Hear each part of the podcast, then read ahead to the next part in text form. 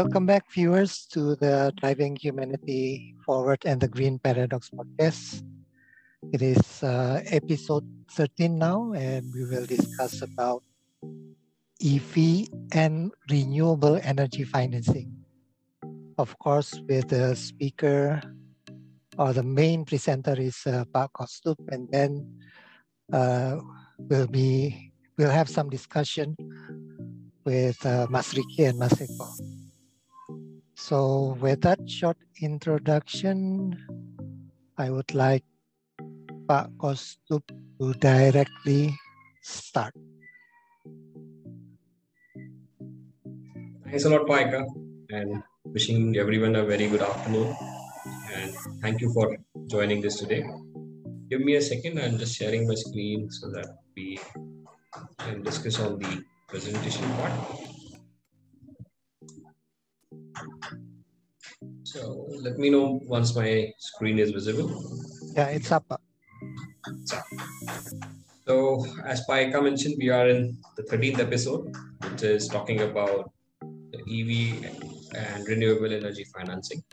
So first, uh, there are two sections of the presentation. One is on the renewable energy financing and second is on the EV financing part.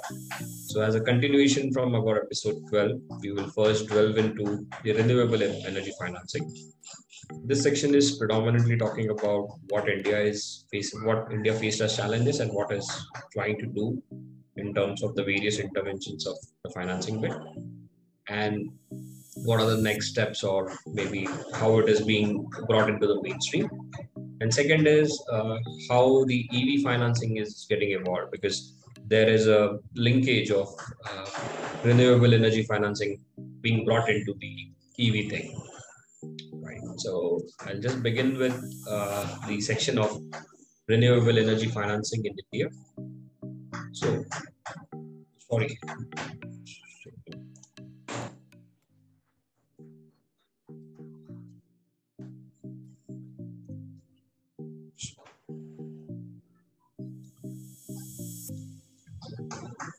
Some glitch, my apologies. Right, so here I'm actually referring uh, the report which was tabled by Asian Development Bank, and I've been trying to enlist the various challenges which we have faced. So typically all the developing countries or any country which is going into the renewable energy space are facing the challenges in terms of institutional and policy level compli- complications and uncertainties. Uh, juxtaposing renewable energy within the umbrella of power sector, then short tenures and high cost of debt financing, the various risks and uncertainties which are associated with these challenges, and there is no outlook in terms of say the long-term financing and having a perfect uh, benefits over a long period of time. So having a proper structure or organization in place. So these were the predominant challenges. But to overcome these challenges, uh, what the government and the other bodies working in the renewable space, renewable energy space, uh, have collaborated is to find uh, maybe form a national clean energy and environment committee. Then also recognizing renewable energy as a priority sector and of creating a fund uh, for that. So that has a fund in that then offering soft loans to try out various possibilities or probabilities in terms of the renewable energy because renewable energy would comprise of the hydro, wind, and solar and biothermal or many more, uh, which are under the purview of the Central Committee for Energy Development. Then creating green banks, which would green banks which would offer the fund or which could be an avenue for the various type of funds then also creating green bonds, uh, infrastructure debt fund, and also generate funds through say crowdfunding. Okay, so this has been you know typically uh, uh, maybe a logical step in terms of identifying the challenges first and also offering the coming up with some steps or actions to mitigate the challenges which were presented. Uh, as a logical step later, what also was uh, has been envisaged is the various flows. Uh, so this is at the central level or the government level where they are inviting various applications for the projects which will involve the renewable energy. And this is how uh, you would see that the project could move or get an approval or a sanction. In this, uh, they are also referring to some third-party agencies, let's say like CIBIL, who would do an assessment and of the risks and having a rating. So there could, as we see in the next slide, it would be coming up, let's say like if it's a better rating and a better uh, proposition, the interest rates are lower. So, you know, that's an encouragement which was given to pump in more money and have more renewable projects uh, there. Uh, they have also elaborated, uh, there is a complete elaboration in terms of how the loans are getting sanctioned and what would be the disbursement process. So quite a detailed uh, study has been done in terms of, let's say, like how the various proposals could be tabled or brought to the attention of the requisite authorities, uh, identifying where the funds are required and at what what levels the funds are required. Then also detailing about the processes, how the loans would be given or how the funding would be done, and subsequently how the disbursement would happen and what would be the mechanisms to monitor and also the repayment, right? So beyond that, if you see, uh, as I was referring, so these are the interest rates and based on the CIBIL score or the rating score, so the interest rates are different and there has been number of, uh, you know, initiatives which are taken into consideration or cognizance for the various type of fundings. So you would see here, if I see let's say like a sector or a borrower, it could be a rooftop solar. And private if it's a private sector borrower, the rates are in this capacities, or let's say like grade one is 8.45, and then grade five is 9.4. So depending on how the company is performing and how its overall performance is, or how the rating is, the rates would vary. But point uh, what I would try to make here is the government has ensured that uh, whatever company we are talking about is given a chance to uh, come into a priority sector and get the access to the funds. So it's if you see it's rooftop solars, the hybrids, or even uh, if, as I said, uh, some element which is going into the creation of EV and EV infrastructure, or even biomass, ethanol. So I be, believe uh, Pari Kiwa would be of interest in terms of say biomass power cogeneration waste to energy, CSP, and other sectors. So some provisions being made to that. And maybe this is just a list. So I could list around 22 type of uh, policies which are giving the access to various type of funds and terms of the renewable energy. So, you know, uh, quite a detailed one. And that is maybe one of the reasons why uh, India could achieve the target uh, well in advance. And now uh, this is acting as a springboard to achieve the more ambitious targets which are being set for 2030 and also uh, what declarations are made in COP26, right? So that's the uh, brief part of the energy, uh, renewable energy financing. So if any questions or any comments from uh, Eko, PAECA, and Pariki, we can discuss this and then subsequently we can move to the EV financing bit. Yeah, for me, it's actually uh, really similar uh, with Indonesia. Indonesia has already started uh, their initiative on renewable energy financing. The first that I, I would like to mention is about the international financing. Uh, Indonesia is allows international international entities to provide financial assistance for various kind of development projects that come that can come in a form of grant or soft loan. So uh, Indonesia is like a uh, receives like a, some funds from GCF and also GEF. Uh, uh, are the most notable international funder for climate finance in Indonesia that uh, have provided financing for renewables. Uh, GCF, uh, a financing mechanism under UNFCCC, uh, like all uh, we know, uh, has provided support to catalyze Indonesia climate financing uh, and investment toward achieving a low carbon economy. As of November 2021, uh, GCF has approved approximately like uh, 453 million US dollar for renewable energy projects. In total, Indonesia received half of billion from uh, GCF money. So meanwhile, on GEF Trust Fund, uh, the large multilateral trust fund uh, for the environment has also given financial assistance to Indonesia from 20, uh, 2010, uh, 2010 and to 2018. GEF has allocated about like a 50 million for climate project in Indonesia. Uh, among that, uh, among this, about 19 uh, million US dollar is granted for renewable energy related, such as uh, energy efficiency, geothermal project, uh, and kind of thing. Uh, also, besides that, Indonesia has also received like a funding uh, from bank, uh, World Bank or Asian Development Bank, and then also Indonesia have like a several bilateral donors from various countries such as Norway, Japan. yeah, we just have like a, that kind of bilateral uh, uh, bilateral donors. And also, uh, besides like international financing, Indonesia now is also provides like a carbon tax. Carbon tax can potentially help advance decarbonization effort. But however, uh, the initial, initial uh, initiative tariff initial tariff is too low to induce behavior change.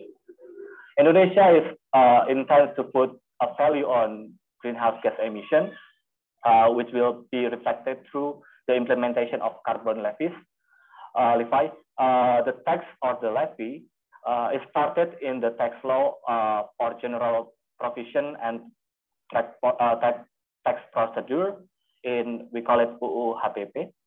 Uh, the carbon tax will be gradually implemented from April 1st, uh, 1st of April uh, 2022 onward, initial on coal power plants with the cap and tax scheme. So cap and, uh, cap and tax means uh, cap and tax schemes means like a uh, the government give a cap if you like produce more emission than that, uh, we will uh, put you uh, give you tax on that uh, offsite.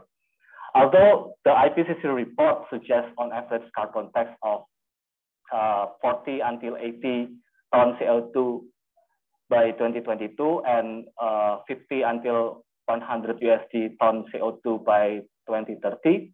Indonesia passed a tax law with a carbon tax of uh, like a 3, 30, uh, 30 rupiah per kilogram CO2 equivalent or uh, about 2.1 USD per ton CO2. Yeah, Indonesia, but I'm happy with the progress because with the carbon tax in place, Indonesia is the third Asian country and the second uh, Southeast Asia country after Singapore that implement carbon tax. So I'm also looking forward for carbon tax, how can help uh, uh, transition of energy. And this is the, uh, the, the one that I would like to mention as well is about the local banks are progressing to finance renewable energy project, but have been slow in moving away from fossil financing. So Indonesia, uh, Indonesia financial institutions are committed to support sustainable development, including financing renewable energy projects in the country. Currently, uh, there are 13, 13 banks joining the Indonesian Sustainable Finance Initiative, or uh, IKBI. Of the 13 banks, uh, it's like a Bank Mandiri, BCA, BRI, and BNI have been provide financial support toward renewable energy such as uh, rooftop solar PV, mini hydro, biomass, uh, and biogas power plant. As of March until April 2021, Bank Mandiri, BCA, BRI, and BNI combined have distributed uh, about 5.2 trillion uh, rupiah. Uh, oh, sorry, uh, Bank Mandiri provide like a 5.2 trillion, uh, then BCA 4.6 trillion, uh, BRI provides like a 14.6 trillion, and uh, Bank BNI is provide 5.6 uh, trillion of loan, respectively, uh, to finance renewable energy projects. But uh, Despite the rise in renewable energy financing, a commercial banks still dis uh, disperse that credit on coal projects. Uh, global coal exit list shows that for the period of October 2018 until October 2020, Bank Mandiri, BCA, uh, BRI, and BNI have given a total of 8.8 billion USD or about like uh, 165.7 billion rupiah of loans and underwriting for coal in the two years period. But again, uh, the initiative uh, they're providing financial towards uh, renewable energy is also uh, like a, a good start. We just need to uh, encourage us to be more in the big scale. I think that's for me. Great details, for Pariki really. So we can see the traction uh, which is coming up in Indonesia. But the point remains, let's say, like, how do you reach the masses so that you know the real benefit can be uh, extended? And as we were discussing in the last uh, podcast, how do you create the energy locally so that you know even these funds are put to use to the best way and reap the benefits, right? Uh, any comments, Paiko, Paika? Yeah, but so for me, uh, what uh, Pariki mentioned uh, is is very good that we have started.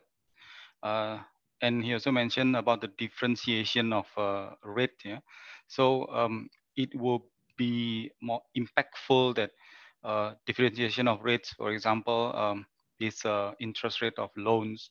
If you are going on the on the renewable uh, SIM, then the rate will be much lower than those uh, who are dealing with coal, and as well as uh, example uh, on the on the tax.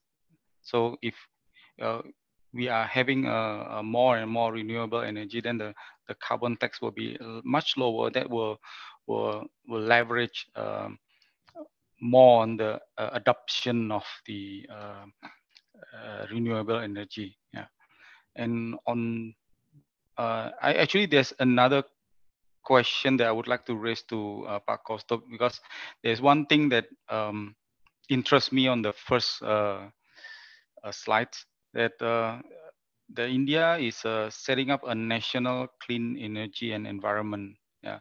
So, in, and in order to solve the problem of uh, like policy level complications, so this interests me because uh, adding another agency to solve the complex complications and, and the complexities is something that is, uh, is it true? And, and how does, does it work? So interesting to know how does it work. Do they have a higher level of uh, authorities yes. other than the other agencies? Then, uh, yeah. So how is it, Pak Kosto? So it's basically to bring it in the priority uh, scheme of things, Pak, because renewable energy needs the focus. And as we discussed in our last podcast, also, let's say like India is dependent on crude as well as on coal, and which is a heavy import bill, right? So to solve that, renewable energy has been given a priority, and it has to be separated out of the you know the power creation part. It is just not another power, but it is a complete different ecosystem which is being created. So there has been policies in terms of say the generation itself let's say how do you generate the power from various sources like wind hydro tidal bio and many more which could be there. How do you create the equipments which would be required to harness those energies? And how do you do it locally? So that's the complete gamut of things which are coming under this purview. So this agency or this foundation is basically like a bird's eye view and uh, at the center, which is coordinating with the various pieces of the puzzle and putting it across. So that's something which are they are able to drive it, uh, taking a cue from what is exactly happening on the market side, as well as uh, or what is exactly the demand or what are the challenges they are facing while execution, and then trying to resolve those so that we can gather space. Yeah, that's really interesting, Pak because Indonesia actually also have, but it's still in general term. Uh, we have like a National Energy Council, or we call it DEN, Dewan Energy Nasional, but they still take care of like a fossil uh, energy yeah. as well.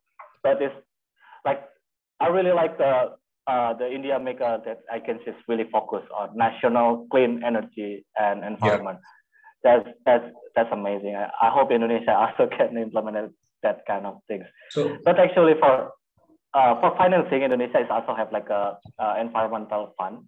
They are just created by Ministry of Finance. Mm. Uh, but it's I think it's still progressing right now. Right.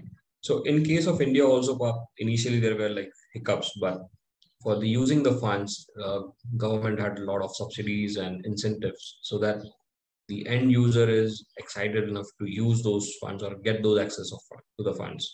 You know, so that the ROIs are much more faster. Uh, it's getting at a subsidized rate, and they are also seeing the benefit. Let's say like I borrow energy from say the grid, but if I'm able to generate my own energy, right? So I the government owes me to pay for the uh, energy which I have generated over my rooftop. So I need not pay to the government, but I owe to the government. So that's a different kind of a relationship which is having uh, being uh, getting established or evolving. So it's an interesting space to be in, and quite many things are happening as we speak. And every day it's a new story as long as it's a good story, it's okay about custom. you know, story is like a, is it is it the the the uh, the budget is from uh, like a state budget, like a they make like a budget tagging focusing on climate change, or they just yes. uh, get it from or from state budget. Yeah, from state budget it's like a it's made it's made like a uh, the commitment like a feel more real. Right. So in India, the complex, uh, the structure is a bit complex. So you have the centers, which is at the country level, and there are the states, which would be more of a province level. So, or you know, much more localized. So there is an alliance between the center and the state, and the movement of the funds. So there are central funds, there are state funds, and there are which are uh, reaching to the village level or the grassroots level. So that structure has been uh, built in. So when I'm in poor organization for a long-term financing, so to reaping the benefits at the mass level, so that structure has been created, and now that is acting as a springboard to you know replicate the success stories of one after another. Okay, anything from you, Paika?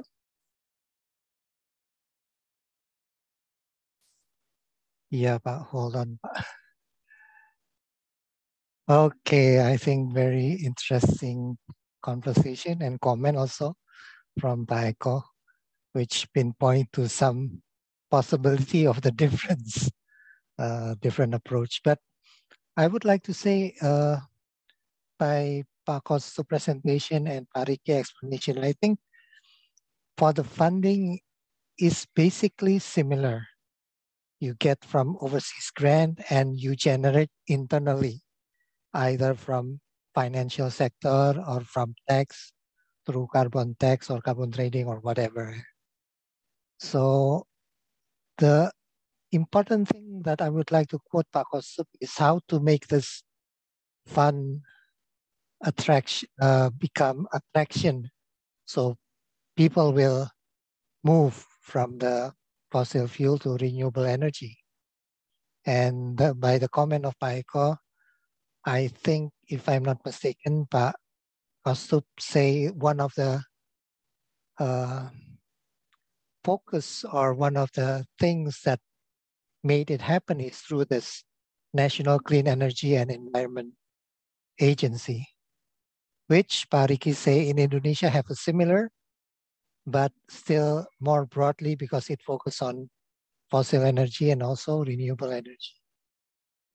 So actually, I would like to ask uh, Pak Kostup, Pak Riki, and Pak Eko, do you think this is a main difference? And yeah, in, in sim, sim, simple terms, in simple view, because we also cannot go deep, many things actually happening, but is this the main main difference that maybe Indonesia must learn also from India, or how? What is your opinion. Can I answer first? Yeah, for me, it's, it's, it's, it, it makes a bigger difference because uh, with the national clean energy and environmental that Indonesia, uh, that India provides, it means like a, they have like a coordination bureau. Because even we talk about uh, energy or renewable energy, it's not about the energy itself. It's, we talk about mining, we talk about like uh, empowering people, we talk about environment. But if we still don't have that coordination bureau or agency, uh, it will make the it will make the uh, consequence uh, sequence uh, sequence step is not not that good. I mean, not that smooth. But if you have like like a firm coordination, the government gives the authority to them. They need to follow uh, that agency. It will make like a like there is no conflict of interest. we can say that. Yeah, I think for for this coordination uh, agency is, is really important for me. Yeah, I, uh, um, I'd like to top up on what uh, Pak Ricky mentioned. So um, we have Dewan Energy, which is uh, the, the, Energy Council in, in Indonesia. But then um, this energy is, the term of energy itself is very wide and, and it's still very general.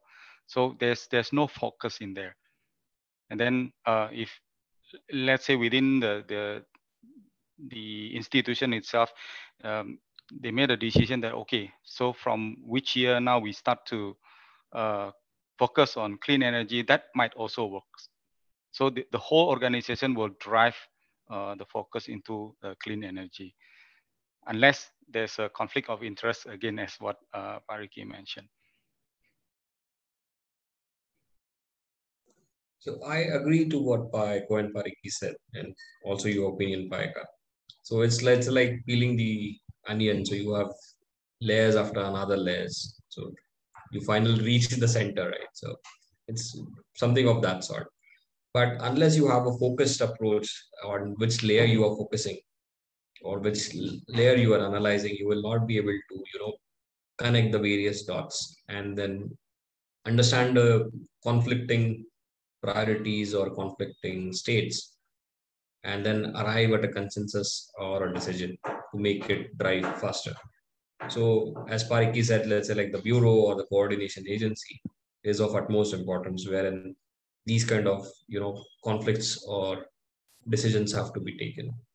Uh, and also it also has to taken into consideration, let's say like these decisions would have what kind of ramifications.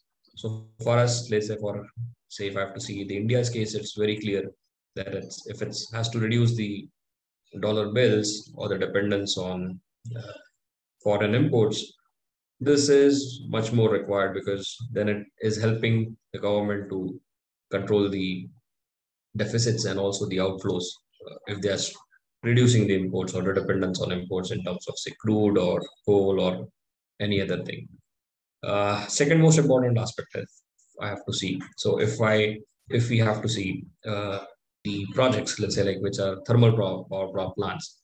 So they would typically uh, would take say five to seven years maybe build for a certain capacity and then it would be operational for next 25 to 30 years as their life but the solar uh, solar plants or hydels are much more faster and they start giving the returns at much more faster levels. Let's say let's say like a solar plant would take only time which is required to say make the land available and install the solar panels or design and install the solar panel and move quickly right? So that's also a thing which needs to be taken as a cognizance of or taken into consideration. And then see how it could be used to you know solve the various problems the government would have in their p&l or in their balance sheet and where it impacts the most right so that's my take. Maybe we can, after that, move to the EV financing if anybody has comments. Yeah, I, I think we can move to the EV financing. Okay. So great. So this is again another interesting thing which is happening and evolving. So I will just maybe try and quickly glimpse through on uh, the various uh, points of the EV financing bid. So.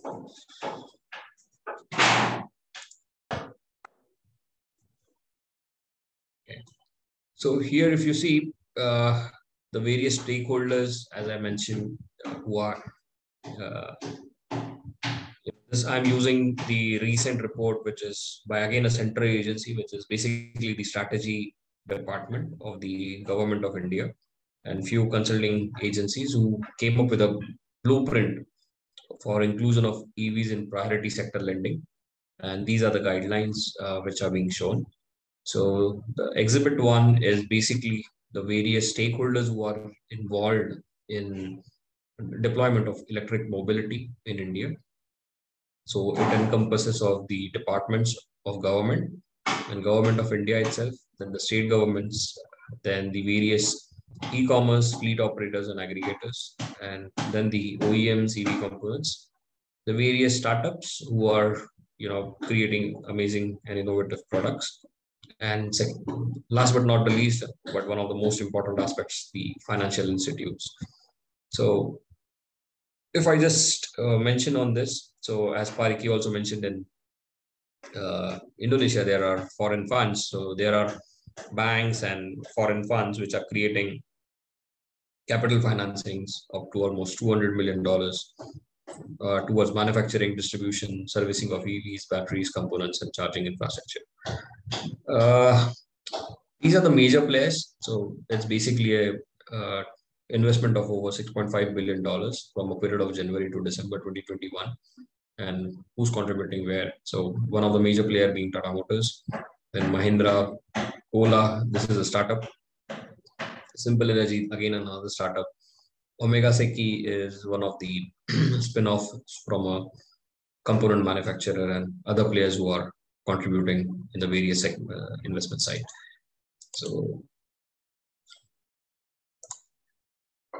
so here if you see uh, the challenges the EVs are facing are basically uh, the clauses which are uh, the challenges are let's say like they are higher interest rates, low loan to value ratio, uh, short loan uh, short loan tenures, and limited financing options. Uh, the causes predominantly being the operations and maintenance risk, customer risk, utilization risk. So it's creating a business model risk or even the asset risk. And in addition to that, there are risks in terms of the technologies because this is still evolving. Then policies or the which are shaping up, the manufacturers which are also new and many new things emerge as the uh, product matures, and the availability as a resale uh, bit, which is predominantly available in the uh, ICE segment. Right? So that is creating a low confidence in terms of the financing, and these challenges which we just saw are also coming out of those. Right? Uh, taking a cue of what's happening in the international market in terms of supporting the financing EVs. So I, we could just enlist the three countries, which are say Australia, United Kingdom, and USA.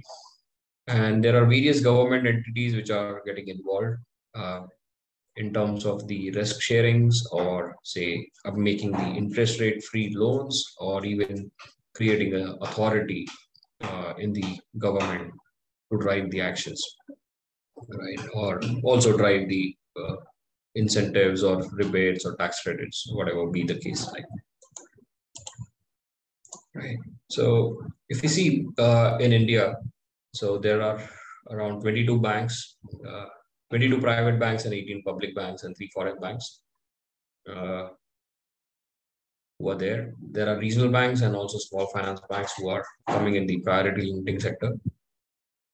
Then the targets uh, are also identified and also the sub targets in terms of the agriculture, micro enterprise, and weaker sections of the society then it's uh, basically um, map which is showing let's say like from where the financings could be available or what portion is available for finance and how it could be optimized. And uh, as i was referring in uh, earlier part of my presentation so inclusion of clean energy technology in the priority sector guidelines uh, which would be say in the agriculture and renewable energy. And ev being one of the mechanisms to you know uh, be there or support the various aspects in terms of the generation and also uh, the power generation and also the uh, execution through the various vehicles right Uh, so here it's basically the outstanding priority sector credit by the SCBs. Uh, this is as of March 2020 and how the stack up is happening, right? And it further details in terms of, you know, uh, let's say like as we discussed on when we bring it something on a priority and a focused approach so what impact it creates. So previously if we see uh, there had been a sector in terms of the export credit. So the impact was on the higher supply of credit and between this study of uh, 10 years. So the credit grew export credit grew by 20% and in 2012 it will revise further and um, and export was no longer a priority with banks more than 20 branches. So the moment it happened, the credit fell over by 20%. So that's the importance of you know creating a structure and then having a sustenance to it, and so that you know that we can keep on getting the benefits of there, and also whatever changes needs to uh, incorporate uh, when something's mature could be factored into the or in the processes or the way we approach. Similar way, uh, we see uh, for the agriculture sector, more formalization of credit. So prior to PSL guidelines, 70% of agriculture credit came from informal money lenders. So this was not an organized one. And 4% came from commercial bank. So three decades of PSL, the money lenders provided 31%, while commercial banks provided 52%, which has resulted into larger accountability and larger, uh, you know, uh, visibility and lower NPAs. All priority sectors, so it has uh, NPAs are non-performing assets. So it has resulted in reducing the number of non-performing assets, uh, which is usually a concern with the bank or any financing agency of an NPA. Uh, RBI is the central bank of India, which is the Reserve Bank of India, that prior, uh, the data shows that priority sectors NPAs have declined 51% from 2010, 2010 and only of NPAs in 2020 to only 27% in 2019. So that's the essence of if you bring it to a fo focus area and have the structure or the mechanisms created, then what would be the impact and how it could benefit the uh, government and the country at large. Lastly, so the parameters, the various parameters which are being uh, assessed to assess uh, the parameters to assess segments for PSL inclusions for EVs are the various social economic uh, economic potentials. Then it's also focusing on livelihood generation potential. Then the scalability, then techno-economic viability, and the stakeholder acceptability. And in terms of helping India bank on EV, so uh, it's also targeted on improving the health, public health, because there is, uh, you know, the less emission of COX and NOx, uh, making the air purer, uh, cleaner, uh, reduced carbon dioxides, and enhanced energy security.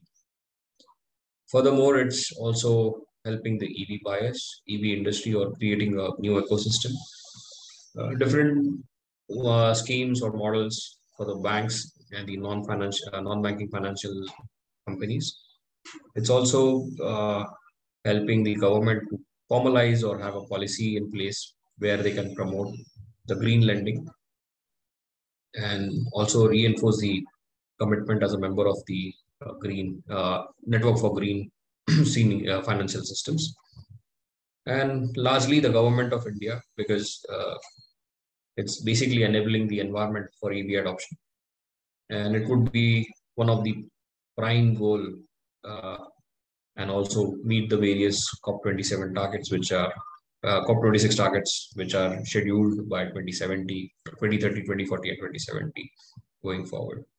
So maybe a gist, uh, it's an evolving space. So every day things are happening, uh, new challenges are found and trying to have solutions around that.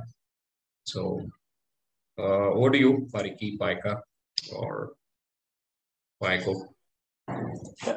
yeah, for me, it's the, the most interesting one is like uh, India is also calculated on improvement public health uh, reduction of carbon dioxide and enhance energy security. But I mean, it's like a, yeah, uh, we know that uh, climate change is also related with health conditions that in Indonesia as well, uh, we have like a, a, national insurance, BPJS. It's also, uh, the claim is I think getting high, getting high. Because I, I believe is uh, one of variable is because of the climate change. Because the emission, uh, we like absorb like a, a bad air quality and also can influence your your health yeah, but I, I really like that India is not only like a narrowing their view on the benefit of electric vehicle, they they make it broader. They they talk about socio-economic, they talk about techno-economic viability, they talk about uh, public health. It's, it's really, it's really, for me, it's really good. Uh, I believe it's, yeah, we need to see like a electric vehicle or renewable energy as, as that kind of package, not only on just energy and transportation or just environment. We have broader than that. But in Indonesia itself, the condition is like actually uh, Ministry of Finance uh, Sri Mulyani Indrawati, she emphasized that Indonesia has a great potential as a major player on electric vehicle, uh, especially on battery electric uh, vehicle or BEV industry. Uh, currently, Indonesia has the largest uh, reserve of nickel resource in the world as a raw material for the, the battery industry and electric cars development. Uh, yeah, but I think it's uh, we need we need to like uh, support more, uh, push more on that. Uh, in other hand, uh, the Financial Service Authority or OJK said Indonesia has ease lending rules for the purchase of electric vehicle and on a business loan linked to their manufacturing in a bid to push investment in the sector. OJK also said like uh, is the uh, is is a rule on credit assessment and risk calculation for loans to buyers uh, of EV as well as for industry manufacturing component and batteries. So actually, uh, we already started that, uh, but Against Indonesia EV project still require much foreign investment support. Uh, part of its roadmap include local transportation uh, operations such as like uh, Transjakarta, who aim to have an entirely electric powered bus fleet in less than seven years for its urban mass public transportation system. Uh, this equates uh, to around like a 14,000 electric bus. So it's still like uh, the uh, the estimation like uh, we need like a in uh, public or private invest about 3.7 billion. You know, for like like a, but Indonesia has like a Indonesia also have like a consumer uh, their consumer market is is young but still growing, right? In uh, 2019, uh, 24 electric vehicle uh, uh, electrified vehicle were sold in the country, compare uh, just one unit sold in the preceding years. So while the number may seem uh, minuscule, uh, this puts its growth rate like a uh, uh, to, uh, 2300 uh, percent. Uh, Research Indonesia in September 2020 even show more interest features. Over 60% uh, is public are keen to own an electric vehicle. So, I mean, the demand is actually increased, but it also depends on the economic growth. Instead of people in uh, Indonesian citizen can afford it or not. But I believe like an electric vehicle price is always also decreasing, going down. So with the Indonesian economic growth and the uh, electric vehicle price going down, I think they will meet in the same point. That's for me. Hope you buy. Mm -hmm. Um, I'd, I'd, like to uh, add on in uh, from what Pak Ricky mentioned. Uh, yes, we have some uh, huge increase yeah, from, from 2019 to 2020 or 2020 to 2021. And then mm, um, on the other hand, I also like to know from Pak Kaustubh uh, on other than the um, finance uh, support or subsidies uh, that government given to to all these uh, green initiative like buying uh, EVs or or even uh, installing uh, more and more uh, charging station. is, is, is, is government of India also introducing or imposing some restriction for the current technology? If you remember uh, our uh, previous podcast uh, related to Singapore, that from in 2021 they, they launched a new rules that by 2025 there's no diesel car allowed to be registered in Singapore. So yeah. that, that kind of uh, law, is it also being practiced in India? Right. So just to give you a perspective, Pak Eko, so India moved to the B, uh, the Euro 6 norms uh, some time back. So now most of the new, uh, almost all new vehicles which are being sold are Euro 6, so which is much more cleaner as compared to the BA. Euro 4 or Euro 5 kind of fuel. So it was also a jump from say direct Euro 4 level to Euro 6 level. So that is one perspective which is happening in the ICE space. But in addition to that, what government of India is doing is they would like to create the technology uh, locally. So whatever is required to say make an EV in terms of say the batteries or the motors or any other innovative concepts. So government is encouraging uh, government is encouraging basically to you know have it done locally and also it's more on uh, sharing about what is being imported uh, from where it is imported why it is imported and to achieve it locally what would be the support required from the government side.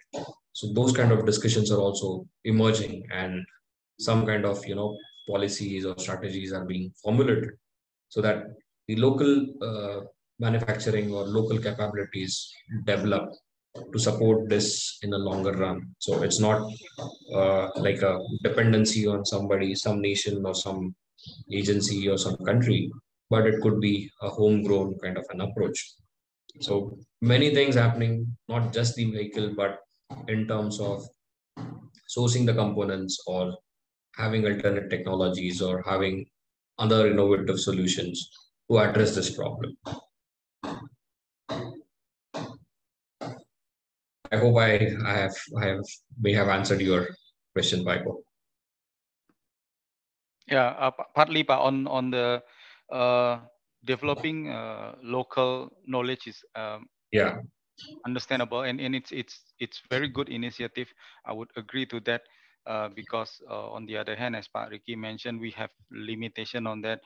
We would like to have that more, we still yeah. uh, rely on uh, foreign investment to to to mm. to build our uh, EV related product, for example. But uh, what I ask is, other than giving incentive for for EVs uh, adopter, uh, is is government also restricting the existing yes.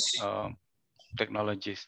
I say, okay, you you cannot use all those old engines anymore by let's say 2020 2025 or 2030 so it's basically creating a roadmap which could coexist because not all applications could be immediately stopped. And given the size of the country and the people who are depending on the transport as one of the you know or, or let's say like IC IC engine vehicles. So it's it may not be let's say like in near future but there are uh, you know actions which are trying to move it or co- cohabit it or if you recall our initial discussion so how yeah. those two two ecosystems yeah. could coexist mm. is something which is being dwelled and encouraged so that the dependencies are you know balanced out or and basically the intent is very clear the whatever it takes to have you know the uh, impact or steps to reduce the CO2 emissions or say, see climate change or restrict the temperature to 1.5 degree are being assessed and the steps are taken towards that direction. It's also being promoted. We learn fast. Uh, we we try fast. We fail fast and we learn fast. So that's also being encouraged because we do, we may not have the right solutions in the first time, and it would take a while to have that learning curve. So experimenting or trying, prototyping, and failing fast so that we learn fast is also being promoted.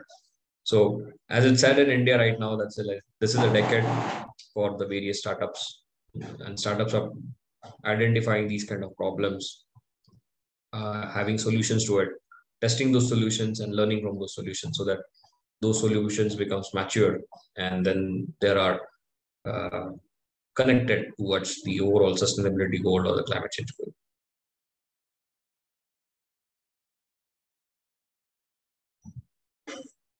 Pak Eka has been listening patiently and I can see him smiling. Yeah. Thank you, Vagos. Thank you also, Pak Riki and Pak Eko. Yeah, my, my takeaway from uh, all of your conversation is that it seems that India, Indonesia is not so different in the EV approach. Means uh, banking on the government or regulation and uh, incentive, and then also on the financial sector or banking or non-banking as a source of fund. Yeah, correct me if I'm wrong.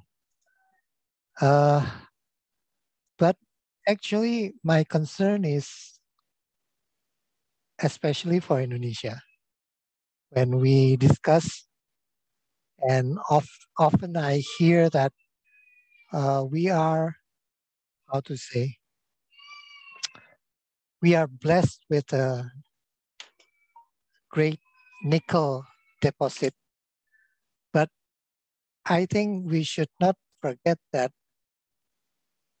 Japan doesn't have any resource, but they are very advanced in technology. So I would say a word of caution, don't bank on our deposit, but bank on the process.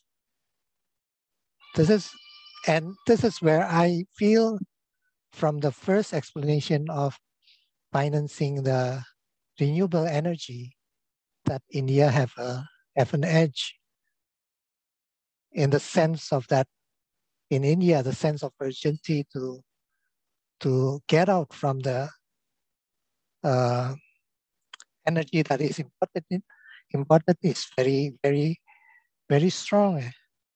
And whereas Indonesia is more uh, because the fuel is subsidized, uh, we are seems taking it, taking it as a, a stride.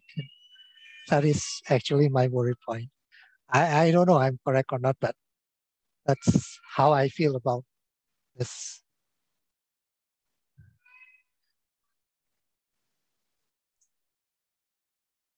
Right. Interesting, Pak Eka. This is a different dimension, a different perspective, right? So, indeed interesting. Maybe uh, there are a lot of commonalities. There are a lot of, uh, and I, we have been discussing this uh, through our podcast journey. Let's say like how we are similar and how we are different at different places. Uh, but we have seen, let's say, this is the era of collaborations, learning from each other's failures and also each other's wisdom. So it's the right time. So we have the collaborations done. So uh, maybe, if I may add, just let's say, like we can learn from how the COVID nineteen spread. So it started with one, and it actually impacted the complete globe in no in very very short time. So if any initiative which we take is able to follow the same curve, the impact could be you know much more or the adoption could be much more faster and help in bringing back the uh, you know or achieve the climate change goals and also achieve the various uh, so maybe everybody complains that there is nothing to learn from corona but this could be uh, a case study or maybe a great discussion point in terms of let's say how do we learn or how do we replicate the same curves uh, curve when uh, corona spread and all countries adopted or followed. Maybe something similar, a pivotal point or a tipping point wherein the EV adoptions or the renewable energies or the cleaner energies become a way of life. Uh, as it's rightly said, right? Uh, with great power comes great responsibility. So we all have to be responsible, right? Then only we will be having the right exercise of power. So that's uh, from my side.